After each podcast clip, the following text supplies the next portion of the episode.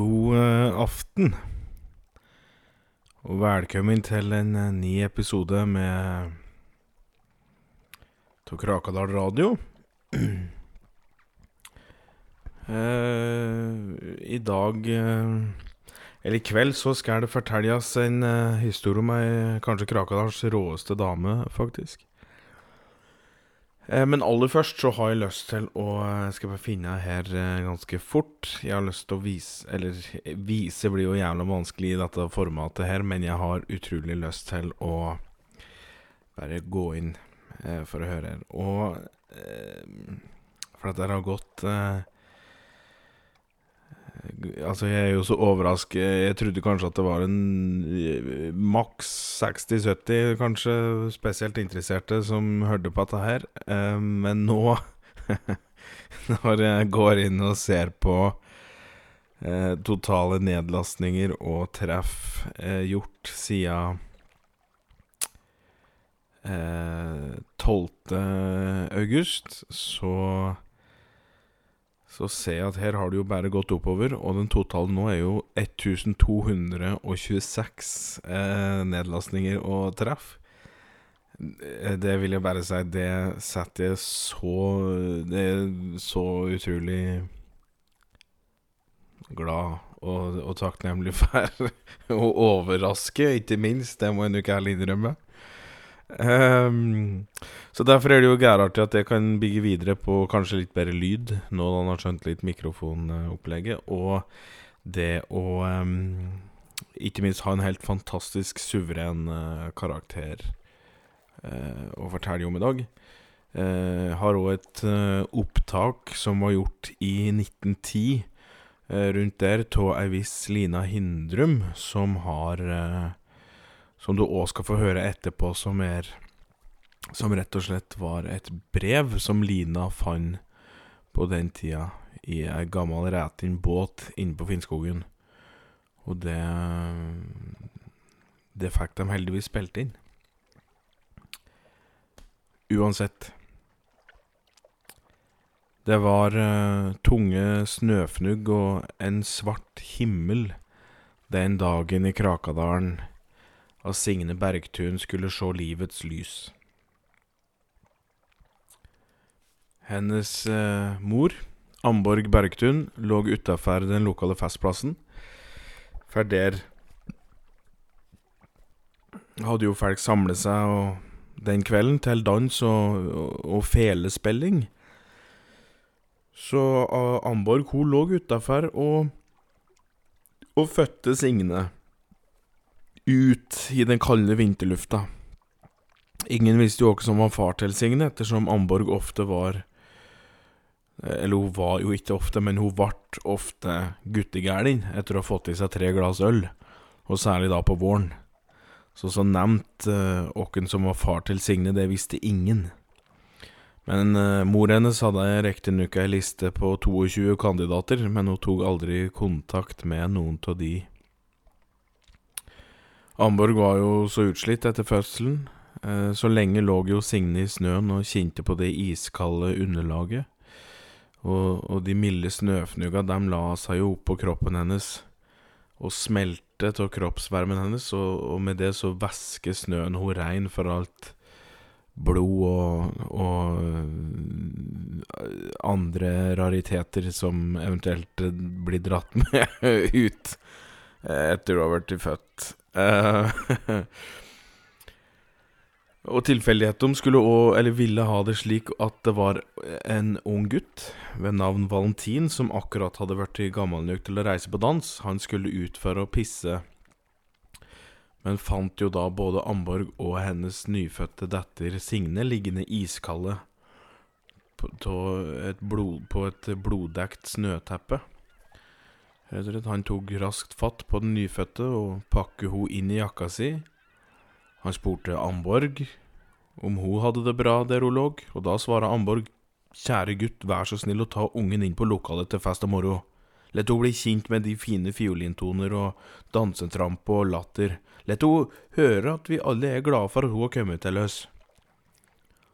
Og Valentin visste jo ikke helt hva han skulle gjøre, men han hjalp Amborg opp på beina sine, tok med dem begge inn på lokalet. Amborg eh, tok den i hånda, og Signe hun lå inntullet i jakka hans på, på ermen. Og han gikk inn i danselokalet der, og det lufter jo tobakk og svette.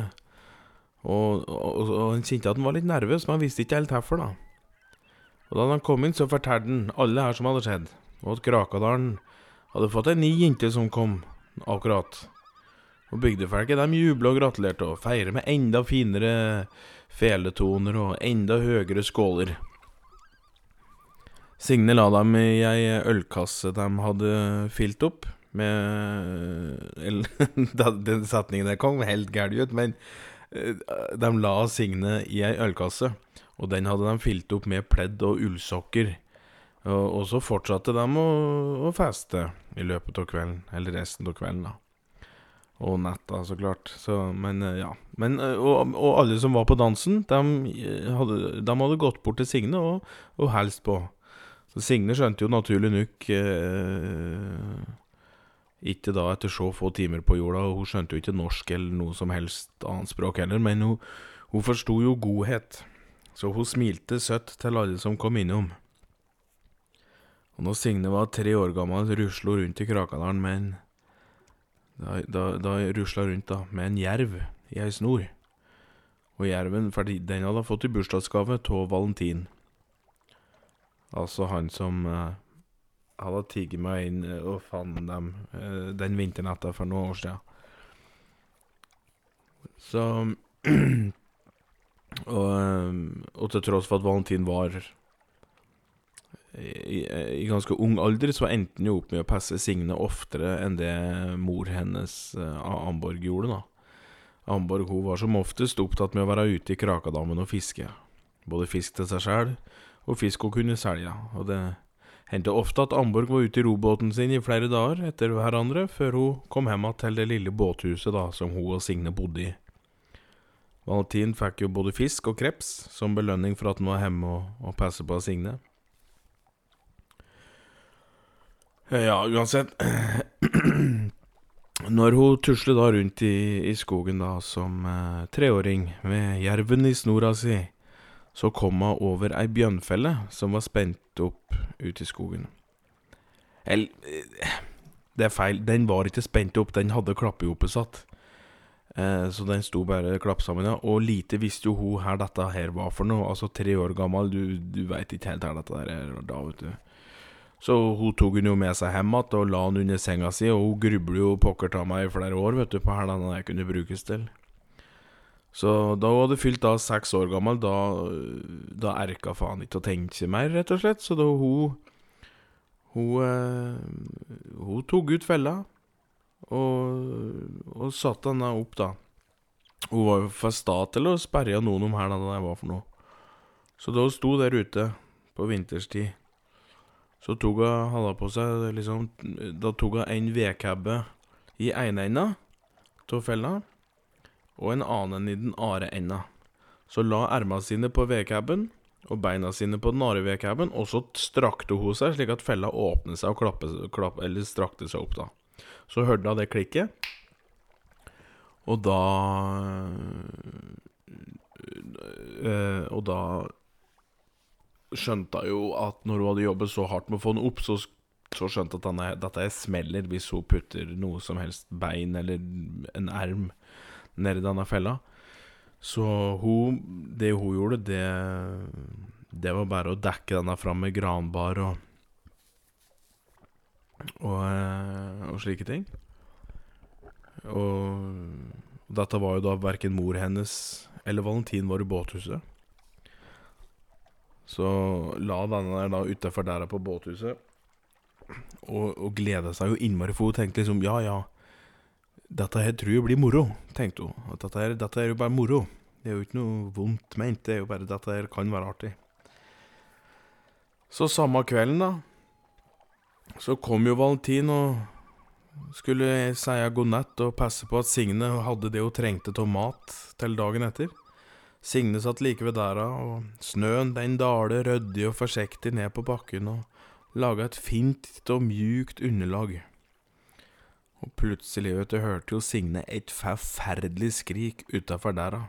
og hun skvatt så fælt at hun sprang og gjemte seg inni ei kiste på mor hennes sitt soveværelse, som, og det var jo fylt opp med alt mulig rart av fiskeutstyr oppi den kista. Helst var det jo fiskegarn, men hun skulle nok brått få kjenne at det var jo òg fiskekroker oppi der. Og kroken dem vrikler og vlikler seg inn i huden hennes, eh, både på beina og på neva og albuer og riggen og magen, og, men hun beit leppene sine hardt sammen for å ikke lage lyd, for hun var jo så redd eh, der hun lå gjemt, da, og skrika til Valentin utafor der at de skremte jo faen meg hele Krakadalen. Og jerven hennes, til og med, den fløy jo rundt og visste jo ikke hva den skulle gjøre av seg. Og i hvert fall da da eh, Signe hadde i fiskekista. For det var jo det beste gjemmestellet jerven visste om. Så jerven den bare, den bare sprang rundt som en rabiat den og reiv ned kopper og kar i båthuset der. Og Krakadalsfolket de kom springende bort med fakler og, og i denne snø, snøtunge vinternatta, og fikk til sin store forskrekkelse se at Valentin lå på bakken like hvit som snøen, og med et avkappet bein.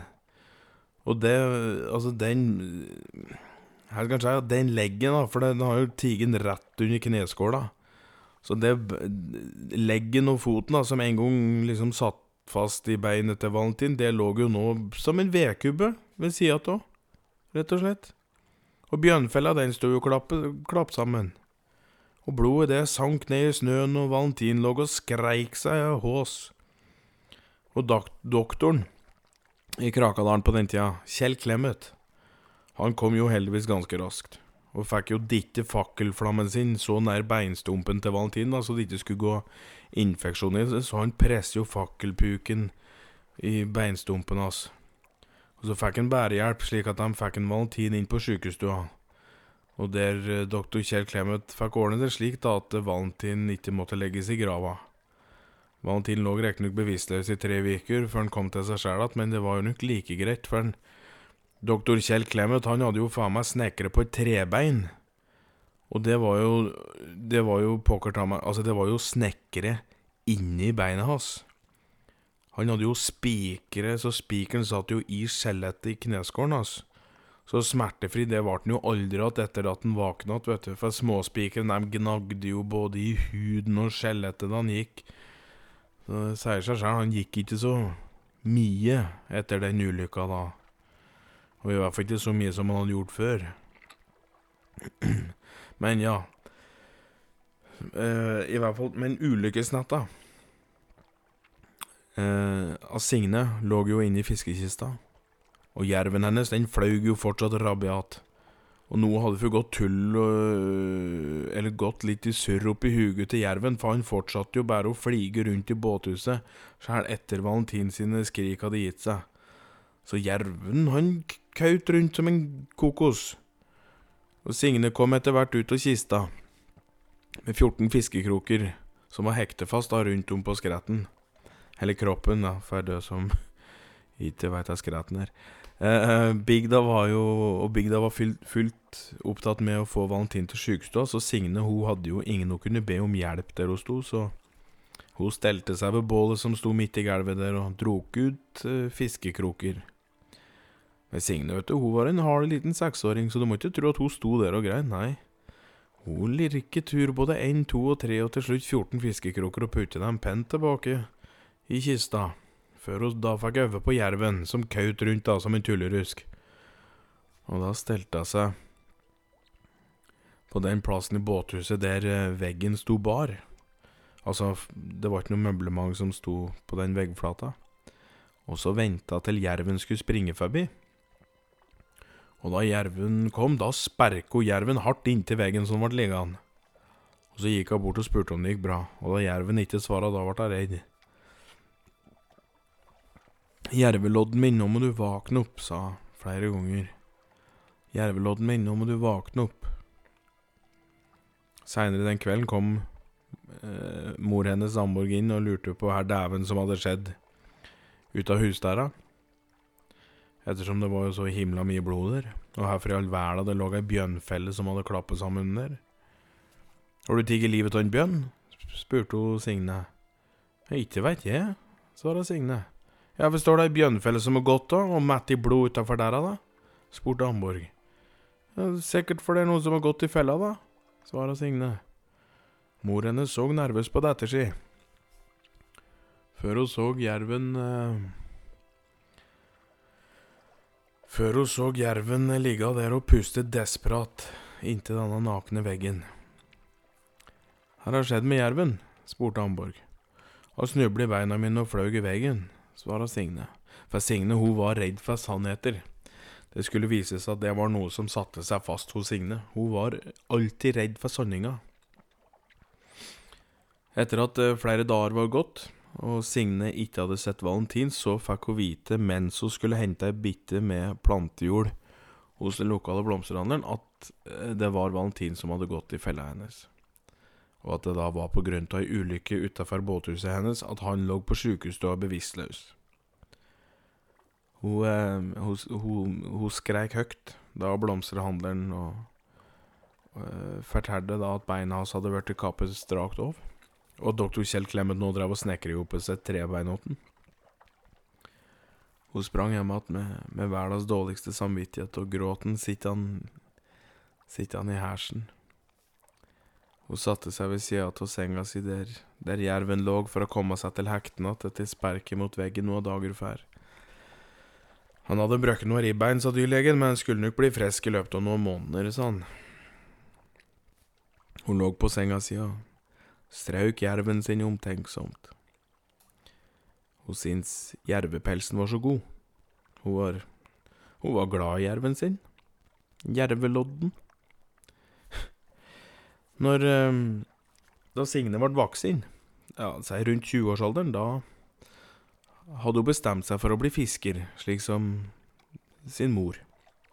Og ofte var hun ute på sjøen i flere dager med sin mors robåt. En solrik maidag i, i 1658, da hadde Valentin spurt han om han kunne få bli med ut og fiske.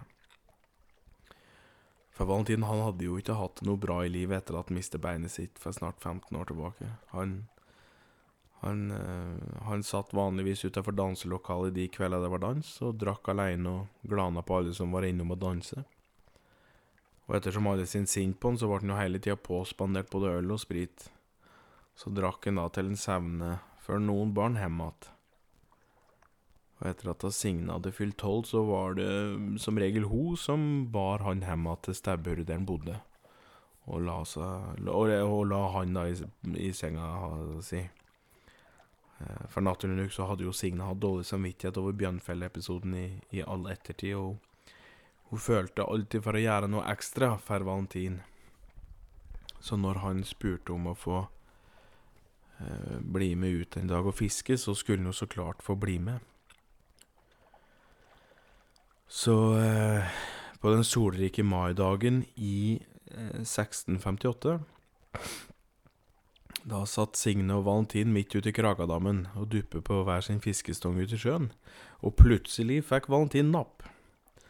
Ei diger gjedde hadde satt glefset sitt på meitekroken til Valentin, og, men gjedda var jo så mye sterkere enn Valentin, så han for over båtkarmen og ut i vatnet, og Signe tjorde først fast fiskestonga si, før hun hoppet uti etter Valentin og etter to små minutter da hadde hun klart å få has på skjortekragene til Valentin og drog henne opp i båten igjen. Og Valentin hadde satt bare og, og, og glana blankt framfor seg, livredd vet du, for det som akkurat hadde skjedd. Og han hoster og gulper opp sjøvann. Går det bra? Så hadde Signe spurt, da.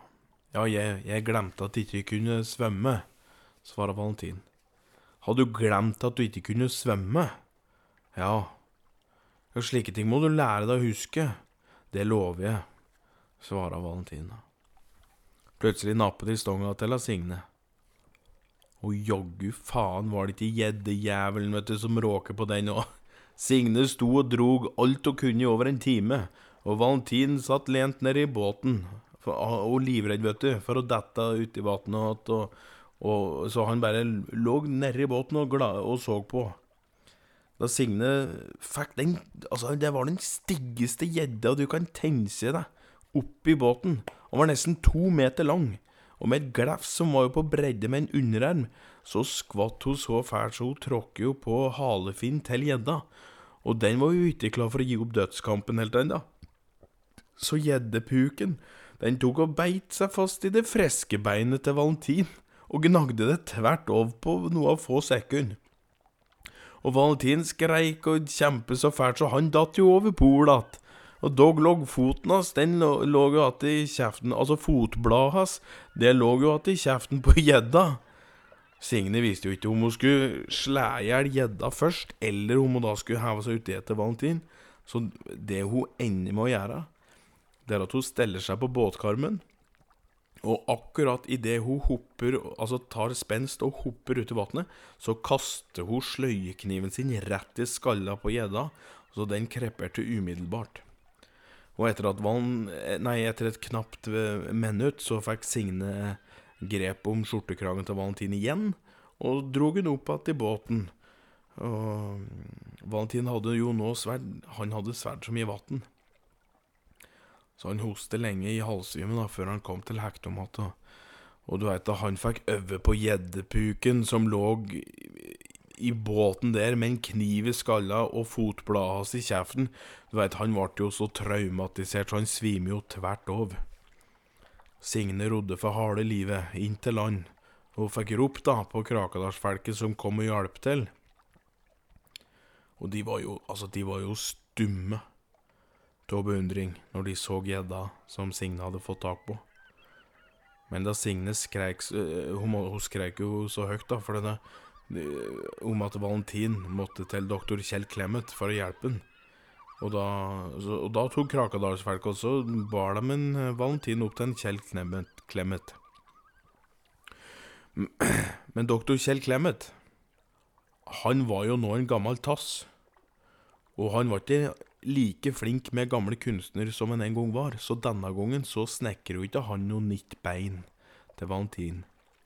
Derimot hadde han en gammel bjørnskalle, og den hadde ikke han noe bruk for, så han tok og limte fast bjørnskalla med lim som da var innkokt bjørkesaft, på ankelfestet til Valentin.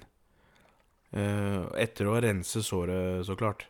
Og det sier seg jo sjøl, vet du, at Valentin han var jo ikke noen atlet etter det der. Altså, han hadde riktignok ikke vært det på 15 år, men du veit, etter gjeddeulykka, da var han Da var han sjelden å se utafor huset sitt.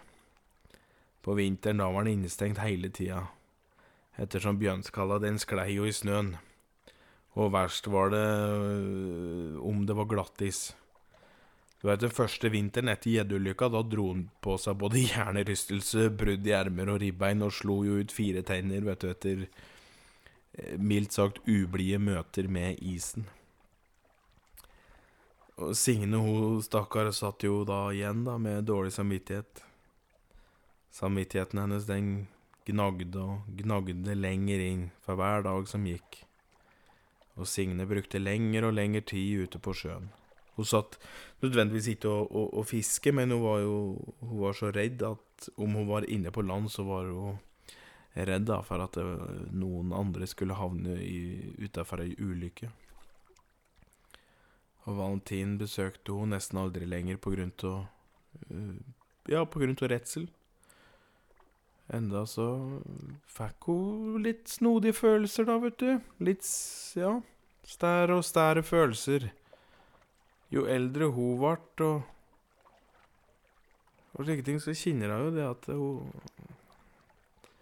det er jo noe som varmer i bringen. Så Han var jo ti år eldre enn Signe. Men det spilte jo ingen rolle. Og Signe kjente jo aldri noen slike følelser for noen andre heller. Hun turde aldri å si til Valentina at hun var glad i ham, men hun hadde skrevet en sang som kanskje var ment for ham. Dog dette veits jo ikke, da, for sangen den ble jo funnet etter hennes død. Men eh, hver desember i Krakadalen siden 1703, da ble denne sangen spilt.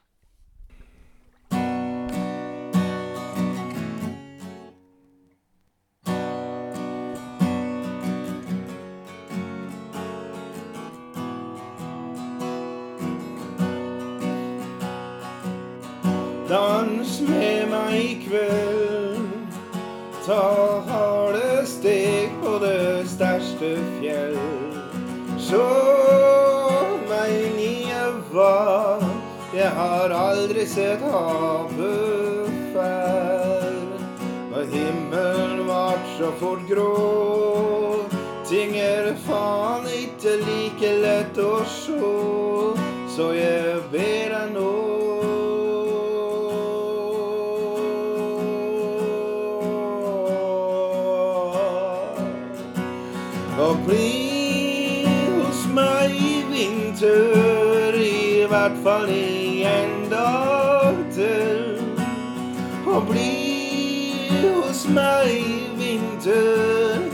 Hvert fall i en dag til.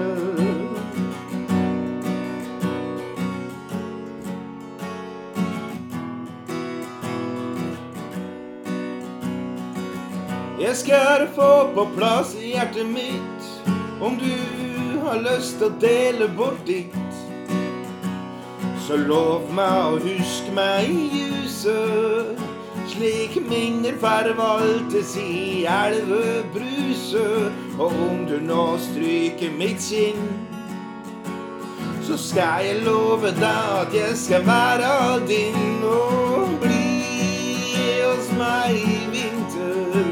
I hvert fall i en dag til. Og bli hos meg i vinter. I hvert fall i en dag. Og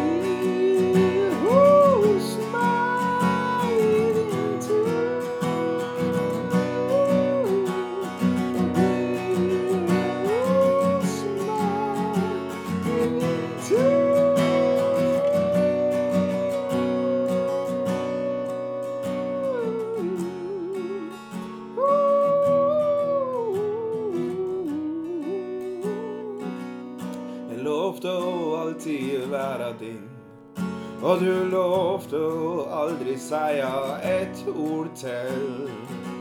Lenge har jeg gravd ned dine spor, dog er det mine tårer som alltid går til jord.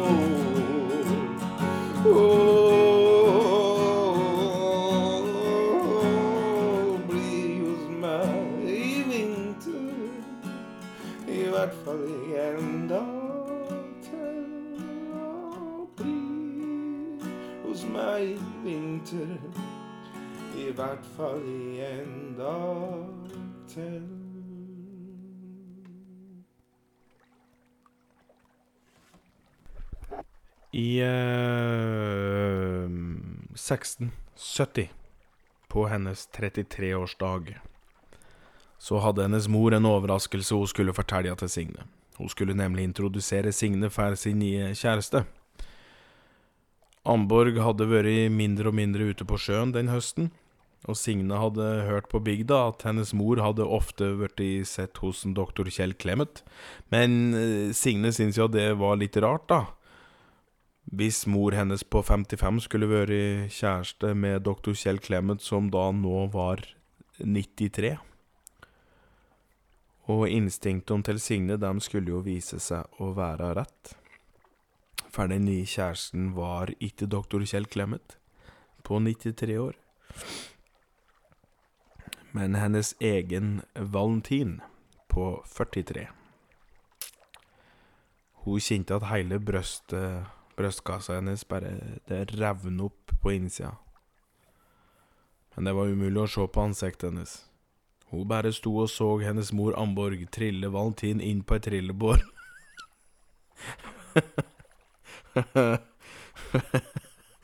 Før hun Før hun da løftet den opp og satte den på en stol rundt middagsbordet.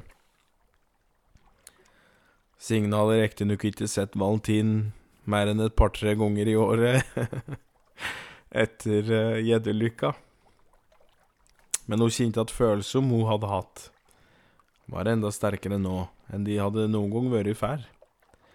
Men Signe satt der rundt middagsbordet, skjærte opp grisen de hadde kjøpt av grisbonden, og, og, og, og stekte, ikke sant, og hun åt pent og pyntelig mens hun spurte Valentin om diverse saker og ting, da, for å holde praten i gang. Har du pusset opp stabburet ditt enda, da? spurte Signe. Jeg har solgt det, svarte Valentin. Har du solgt det? Og da Signe gjentok det, Valentin hadde svara, så satt han bare og så lurt bort på Amborg før hun så lente ansiktet sitt mot Signe og sa Valentin fletter inn hit, og nå er du så gammel så jeg syns du bør flette ut. Det blir litt for mange i dette båthuset om vi skal bo tre stykker her. Nå var det mer et slags raseri som, som vokste opp i Signe. Uh, unnskyld.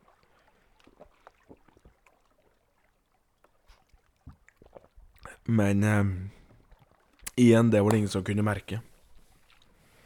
Hun skar riktignok litt hardere i kjøttet, og hun tygde kanskje litt raskere enn hun vanligvis gjorde, men eh, verken Amborg eller Valentin merker noe til raseriet hennes. Plutselig kom den lille jerven hennes tastende oppover beina hennes. Ja, ja. Jervelodden er nok den eldste jerven som noensinne har levd med sine 31 år, men Jervelodden levde. Og jerven han gikk og la seg over nakken til Signe, og da spurte Amborg om når hun syntes det var greit at jerven fikk sitte rundt bordet mens de åt. Ja, hvis kjæresten din kan sitte rundt bordet, så kan jaggu min kjæreste gjøre det òg, svarer Signe og banker bordet. Eller det vil si at hun traff enda av gaffelen sin, som uh, lå litt utafor tallerkenkanten. Så når hun banket i gaffelen, så fauk gaffelen bakover i rommet og traff det utstoppet gjeddehuet som hang på veggen. Og da Valentin fikk øve på gjedda, da fikk jo han like flashback, vet du, like Vietnam-flashback. Så han fikk jo tilbakesyn, vet du, som gjorde så han skreik og skvatt og så fælt. Så han glemte, og, og, da glemte jo han at han hadde problemer med beina sine. Så, så han reiste seg opp, men datt jo deis i bakken med ermen slengende oppi sausgryta. Og det gjorde jo at denne kokende sausen rant nedover ermen hans. Og han skreik og ljom i hele huset. Og Signe skvatt, og jervelodden minte å flige som en rabiat rundt huset att, slik som han gjorde da for 27 år sia. Og mor Amborg sto og Hun måpte jo og gapa så stort at det var jo et under at kjeven hennes ikke gikk ut til ledd. Signe Signe la raseriet ifra seg. Sprang bort til Valentin, fant en klut som hun blaute i ei bitte med vann, og tørket den brente ermen hans. Har du, har du gjedda hengende i stua? peste Valentin. Nei, det er ei firfisle som jeg fikk tak i da det var auksjon borti Hudiks Vall, svara Signe. Å ja, da så jeg gæli, svarer Valentin, og så svimen strakt over. Mor Amborg sto i forskrekket, så ned på Signe som væsker bort sausen ifra hånda til Valentin. Du kan flette ut etter middagen, sa hun. Men jeg har jo ingen plasser å bo, svarte Signe. Du kan ta båten. Jeg skal ikke fiske mer, sa Amborg. Signe tørket forsiktig bort de siste sausrester og drog Valentin ut etter trebeinet, og drog han da ut slik at overkroppen den lå utafor dærkarmen eh, Altså i huset. Altså mot naturen, da, kan du si. Overkroppen lå i det fri. Og så la ermen hans i snøen, og pakket det inn i snøen. Før hun da gikk inn igjen og pakket sine ting. Som da var tre ekstra fiskesnører, en vedsekk og tennstål, eh, en ullgenser, ei ullbukse og ei lue. Og det var det. Og hun, så rodde hun ut i båten. Lite visste Signe der hun rodde, at uh, i båthuset hennes der skulle jo Valentin ligge da, med ermen så lenge i snøen. Så han fikk jo så klart frostskader. Og det gjorde da igjen at han fikk koldbrann, så han måtte jo amputere ermen. Dessverre for han så hadde doktor Kjell Clemet blitt så gammel, så han var jo kærom til å ta feil erm aller først. Så det Så det endte jo med at Valentin han fikk jo begge ermer amputert. Og doktor Kjell Clemet han skulle ikke leve lenge etter den feilen der, for det Amborg hun var jo Hun ble så forbanna, så hun drog hun drog bortom og bitte ut kantarellen hans med fleinsopp. Og det gjorde jo at en Kjell Clemet under en elgemiddag Han fikk hallusinasjoner som gjorde at han fløy jo rett inn i oksebingen til naboen. Og de oksen følte seg jo ganske true, kan du si, da, til en uh, kokosdoktor som flyger rundt i, i, i, i, bingen deres. Så de stanger jo doktoren i hjel, vet du. Ja. Og Signe satt ute på sjøen. Dag etter dag, kveld etter kveld. Og Krakadammen den er jo ikke så diger, heller, så hun turer jo fram og tilbake. Ja, det Tar du Krakadammen én vei, da, så tar det kanskje tre-fire timer. Du veit det blir mange fram og tilbake-turer, det i løpet av et døgn. Men det satt da. Rodde og fiske i nesten 30 år før hun vendte tilbake. Hun hadde ikke Hun hadde ikke arvet sin mors lengsel etter kærer, så det hadde jo gått helt bra ut på sjøen der aleine. Hun syntes det var vanskelig med mennesker generelt, som sagt, så hun var ikke glad i å prate med dem. Og hun var jo heller ikke glad i sannheter. Uten samtaler var det jo lettere å ignorere sannheter, syns jo Signe, og det er jo noe som kan sies å være sant. I hvert fall litt. Og i hvert fall på den tida, kanskje. Men eh, det ble jo funnet et brev eh, som eh, Som ei dame ved navn Lina Hindrum da fant en høstmorgen i ja, 1910-1911 ish. Som hun da gjorde et opptak av der.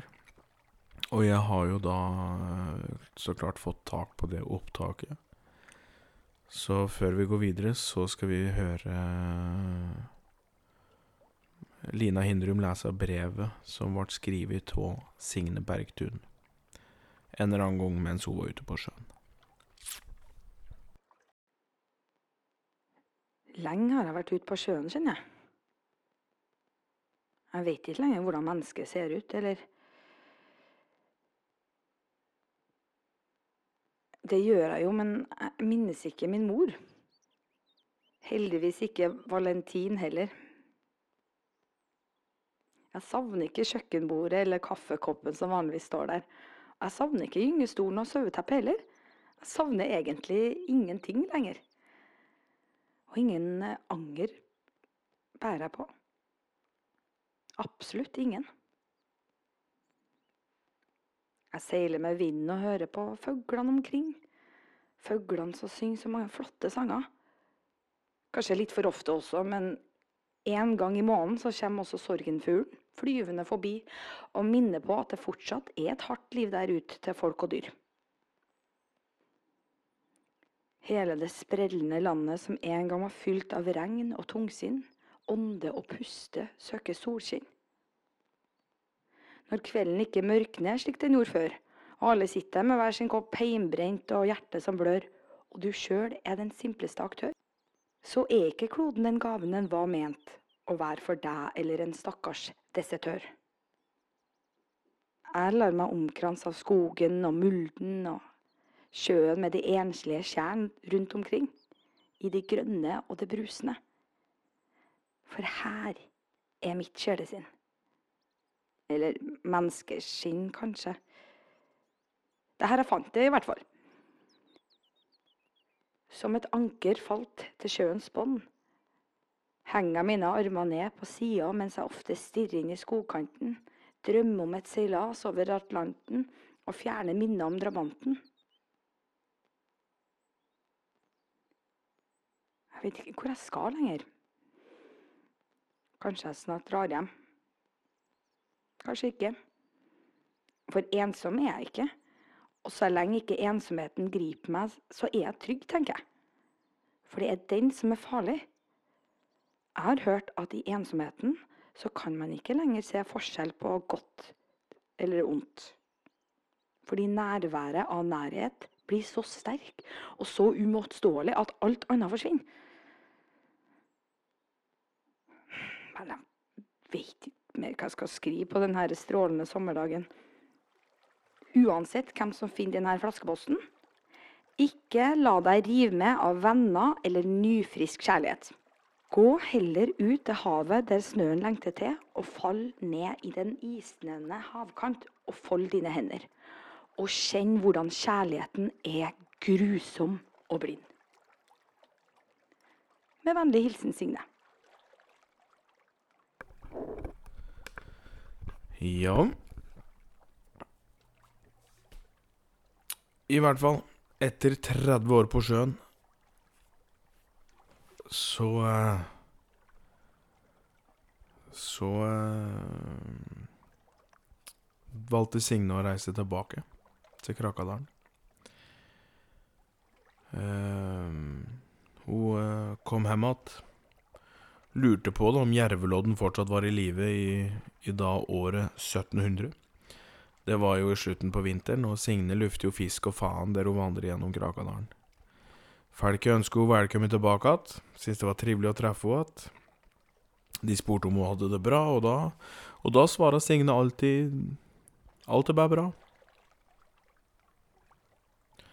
Hun gikk bort til båthuset som hun forlot, og banket på. Og så hørte jeg en snodig knirking som stadig kom nærmere og nærmere ettersom liksom tida gikk etter at hun hadde banket på. Og da hun hadde stått der en halvtime, da åpnet døra seg forsiktig opp. Og der satt nå en gammel krok, uten ermer, ei bjønnskalle på venstrebeinet og en stokk på den høyre, en hemlaga rullestol med et tau i kjeften. Og det tauet, det gikk i hele huset, visstnok, slik at den gamle kroken kunne dra seg rundt i huset med kjeften sin.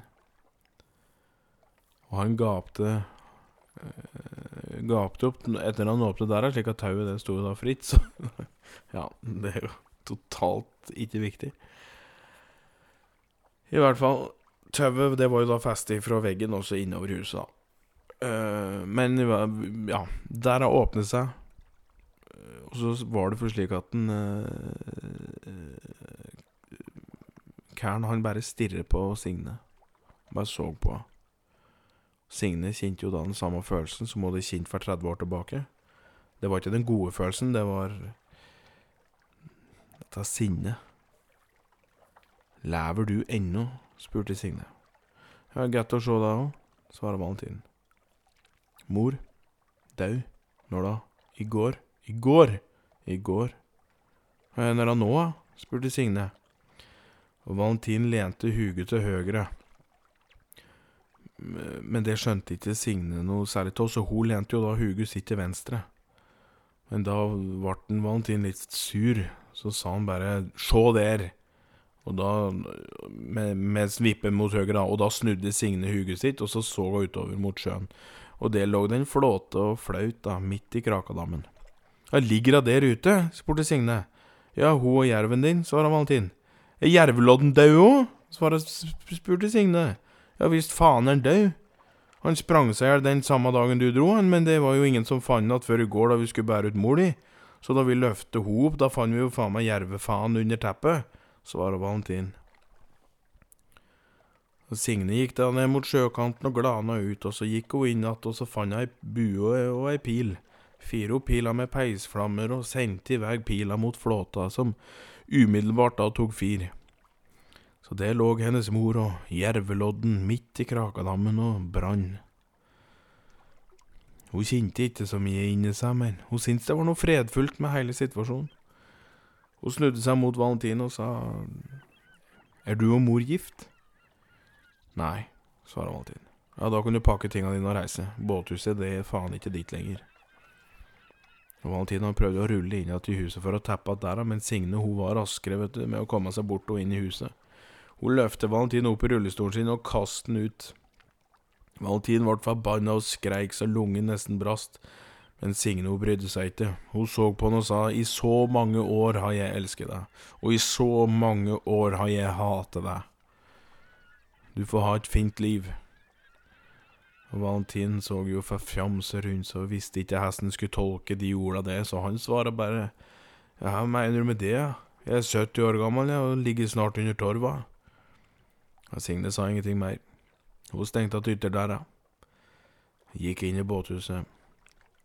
Reiv ned alle tau som var hengt opp og kastet dem i peisen før hun da fant noe spritflasker i et av skapene som sto der, og så gikk hun og satte seg i en stol, og slik skulle Signe sitte og drikke seg i hjel i de neste tre åra.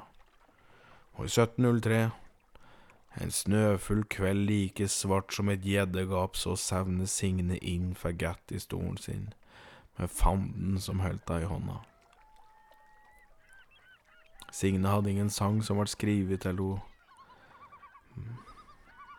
Dessverre. Men, men. Det sies det at hvis du er ute og ror i Krakadammen, eller i Skasen, eller noe Eller liksom, ja, hvis du er ute og finner en innsjø på Finnskogen, så kan du visst fortsatt høre noe toner der. Sorgfulle og dystre toner. Ja, ja. Det var historien, det om Signe Bergtun. Så jeg sier eh, takk for nå. Og eh, neste uke, da får vi høre historien om Vilde Natalie Himmelvåg. Og med en ny eh, leser... Gjest, skal en kalle det det? Brevgjest, kanskje? Skrive Jeg vet da faen, jeg. Kom i hvert fall Nei ja, drit i det. Drit i det. Vi høres neste uke. God helg. Ha det.